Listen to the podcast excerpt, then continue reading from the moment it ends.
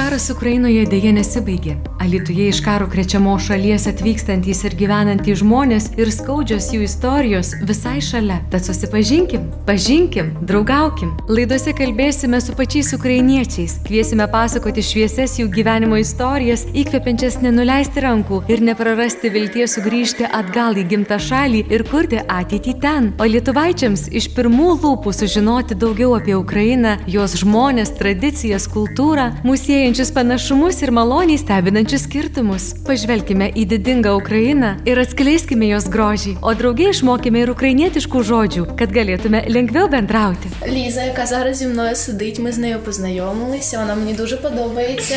Як людина, вона дуже гарна людина. Подобається навчатися в школі. Також подобаються мої литовські друзі. Ще в мене є дуже гарна вчителька Ріта. Дуже подобається.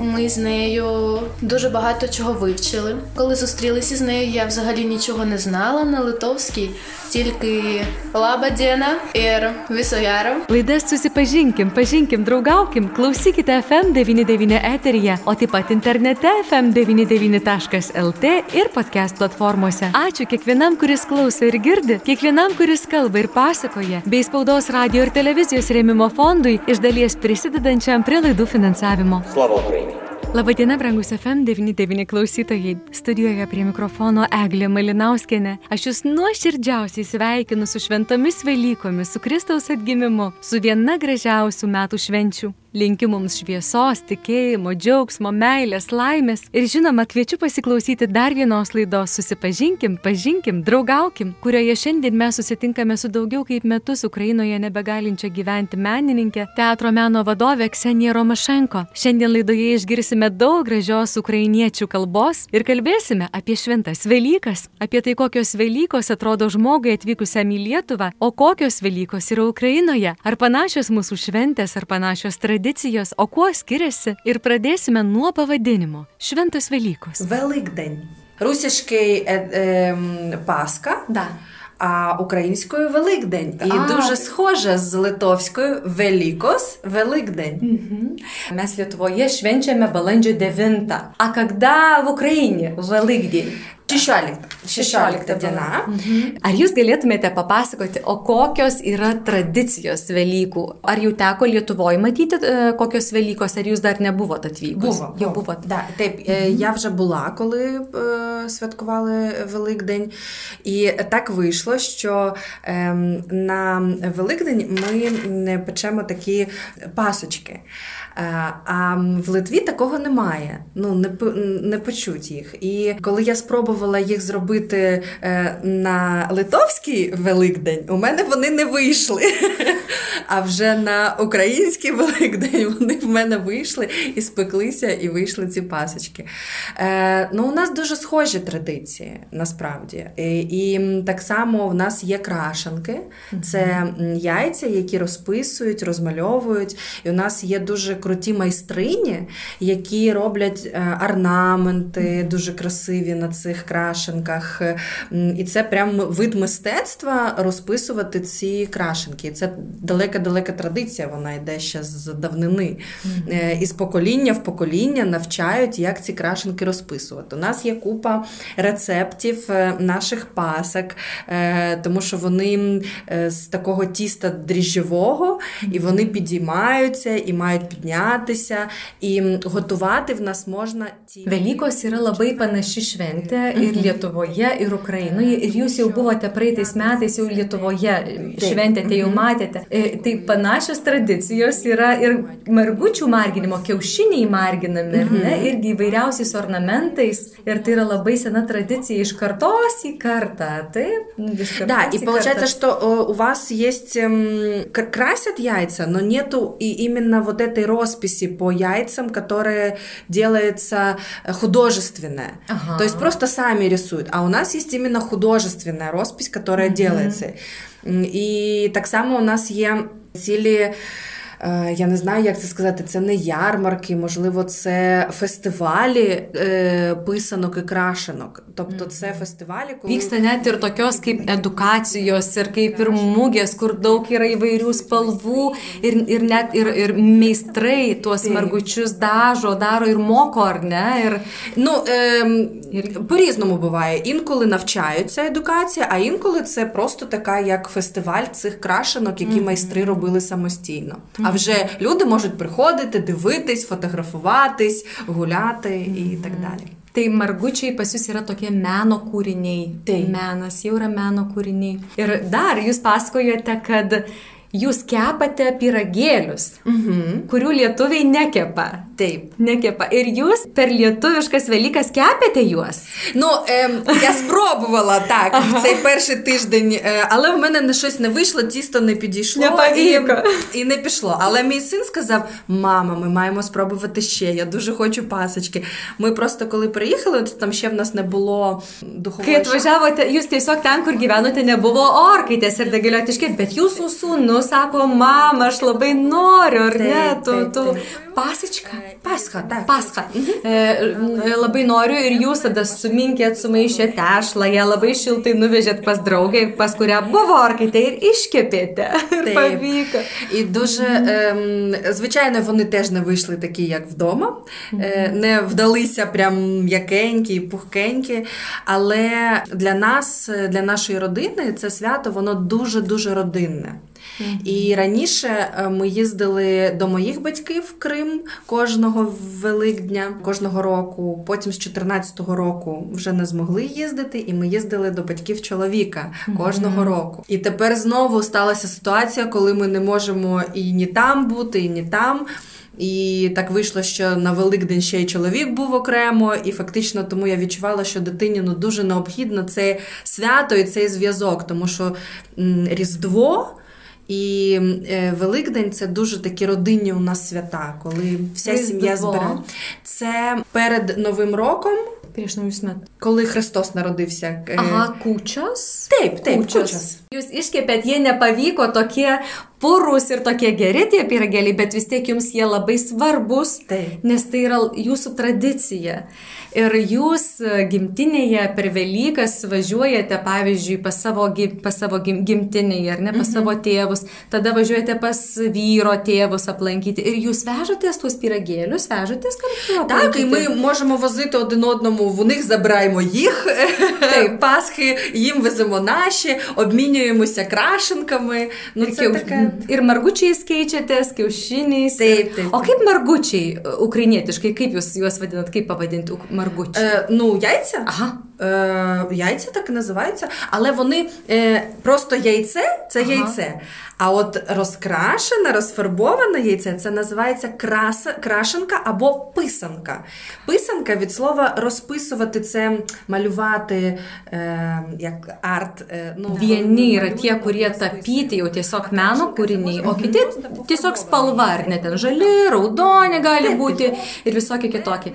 Mano giminaitė yra ukrainietė ir jie, kai atkeliaudavo į Lietuvą, atveždavo tuos margučius medinius ir ištapytus, krikščioniška tema, mhm. ten menas. Mhm. Ar jums negaila jų valgyti? Jūs paskui valgote juos, tuos meno і валгот?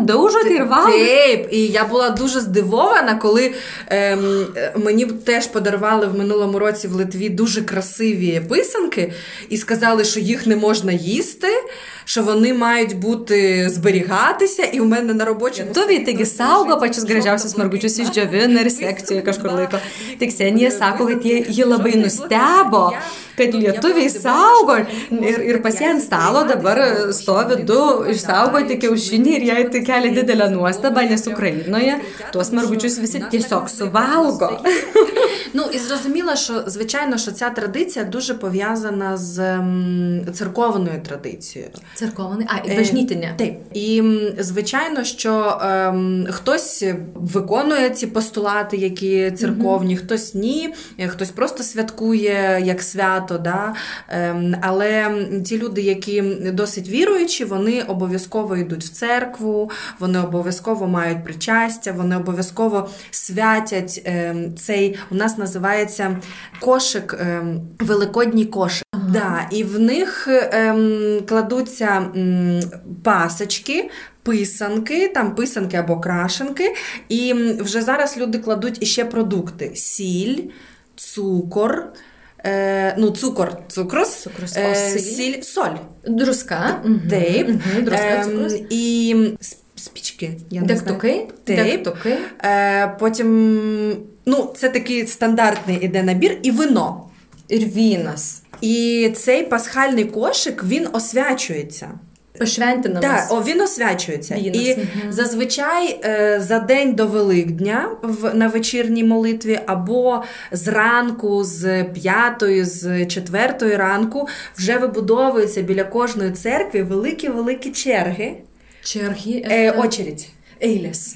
Е, коли люди стають з кошиками, приходять і чекають, поки батюшка вийде і привітає всіх з е, Воскресінням Христовим і освятить всі кошики. Ksenija pasakoja, kad Ukrainoje yra ypatingai tie žmonės, kurie yra tikintys, eina į bažnyčią, tai jie nešasi tokią pintinę, kurioje ir tie piragėliai yra kepti, ir margučiai, ir vynas, ir degtukai, druska, ir cukrus. E, į mm, svičką. Ir žvakelė. Mhm ir žvakelė, ir būna didelės tiesiog eilės tuo metu bažnyčioje ir, ir tuo metu jau, kaip mes sakom, kunigas, ar ne, šventas tėvas, praeina ir pašventina, ar не? Taip, Viską швентина. І е, тут дуже важливо, що цей ем, якби ритуал, да, mm-hmm. він е, говорить про те, щоб у людей завжди в цьому році було все на столі. І був і сіль, і цукор, і вогонь, е, і було чим розпалити це багаття. А, Šiaip Lietuvoje irgi ir vynas yra kaip Kristaus kraujas, duona yra kaip kūnas, tai Ukrainoje taip pat e, už tai ir tas paschį e, neša irgi ir vyną, ir paską neša, kad palaimintų kaip Jėzaus Kristaus kūną ir mhm. kraują. Mhm. I ljudi, jaki trimaju veliki post, Тобто вони не вживають м'ясо, рибу, молоко і так далі. і так далі. Саме в цей день після освяти кошика вони приходять додому, і це в нас називається розговітись, тобто завершити пост. Išverskite rusų kalbą. Так, э, хорошо, тогда, когда э, люди держат долгий пост, постятся, знаете, что это? Э, э, когда не кушают э, долго перед каким-то праздником, есть такие дни, когда не кушают мясо, рыбу, не пьют, не курят, то есть такой... Пасниnkас. Да, да, и это mm-hmm. пост такой, когда ты держишь э, не только... Э, Ukrainoje taip pat yra pasninkas prieš Velykas, yra pasninkas, tai yra tas, tas laikas, kai žmonės ne tik fiziškai nevalgo, valgo daugybės produktų, patiekalų, bet ir dvasinis pasninkas, kai stengiasi nesipykti, nesibarti, išlaikyti ramybę, darną. Ir kuomet jau pasninkas baigėsi, kai žmonės pareina iš mišių ar ne, parsineša tą pintinę, jie pirmiausiai paragauja palaimintos paschos, ar ne, tos, tos duonelės, vyno ir kiaušinio.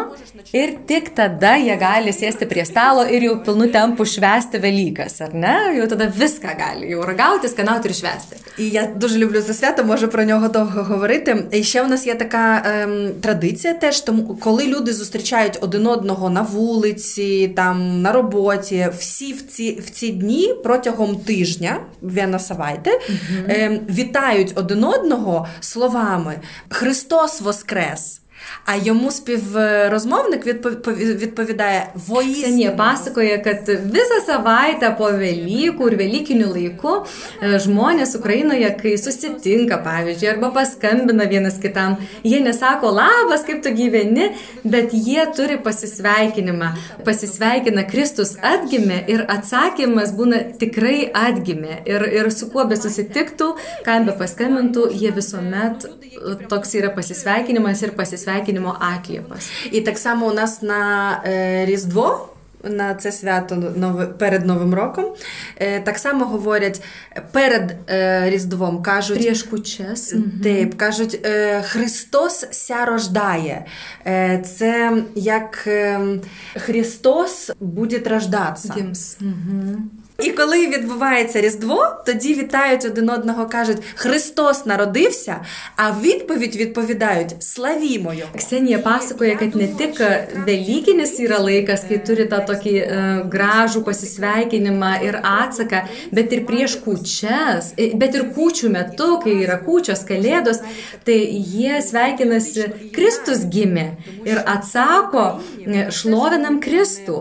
Ir Ksenija sako, kad tai tiesiog genuose ukrainiečių, va tokie tvirti, tokie gražūs, stiprinantys pasisveikinimai ir atsakymai į pasisveikinimus, kaip ir e, slava Ukrainė, gerojam slava, ar ne?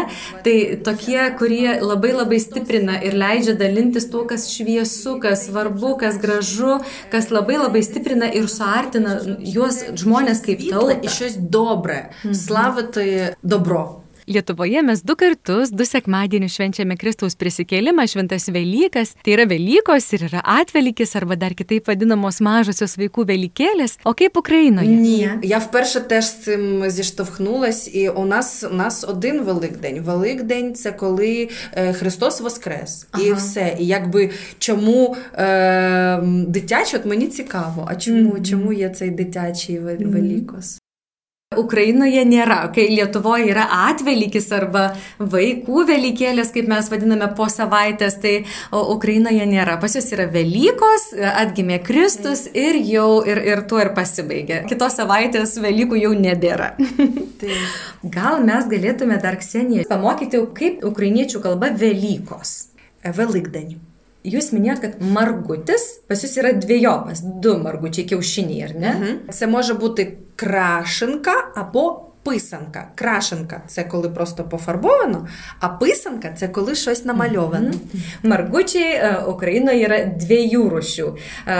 Krašanka yra tiesiog spalvotas, spalvingas kiaušinis, a pisanka yra jau dekoruotas, labai gražiai išpieštas, ištapytas. Tai net dviejų rūšių pavadinimas yra. Taip. Pavasaris. Vesna. Vis, vasna. Vesna. Tradicijos. Tradicijai. Ksenija, aš jums ir jūsų artimiesiems linkiu tikrai labai gražių Velykų, jaukių Velykų, šiltų. Gerai jūs čia Lietuvoje, Lietuvoje turėti ir su jumis kalbėti, bet tikrai labai linkiu, kad kiti metai, kitos Velykos jums jau būtų jūsų gimtame krašte, jūsų gimtoje šalyje, Ukrainoje, laisvoje ir nepriklausomoje šalyje. Na, o šiandien kviečiu pasidalinti sveikinimais su visais radio stoties FM99 klausytojais. Gal norėtumėte kažko palinkėti jiems šventų Велику прога. Я всіх вітаю з Великднем. Це важливе свято, коли люди починають вірити в дива, в те, що навіть якщо стається щось жахливе, жахливе, все одно можна піднятися, воскреснути і здобути сили. Для цього, звичайно, в серці і в душі. Visus sveikinu su šventomis Velykomis. Linkiu taikos, gėrio namuose. Šią dieną norisi, kad visi artimi, brangų žmonės būtų namuose, kad vertintume tas akimirkas, kai galime būti kartu, galime susitikti. Gyvenime būna visko, tačiau Velykos mums tarsi liudyja, kad, kad ir kas gyvenime benutiktų, tikėjimas mums padeda įveikti net pačius baisiausius ir tragiškiausius išgyvenimus. Tikėjimas mums leidžia kiekvieną dieną pradėti iš naujo, tarsi nuo tuščio balto lapo.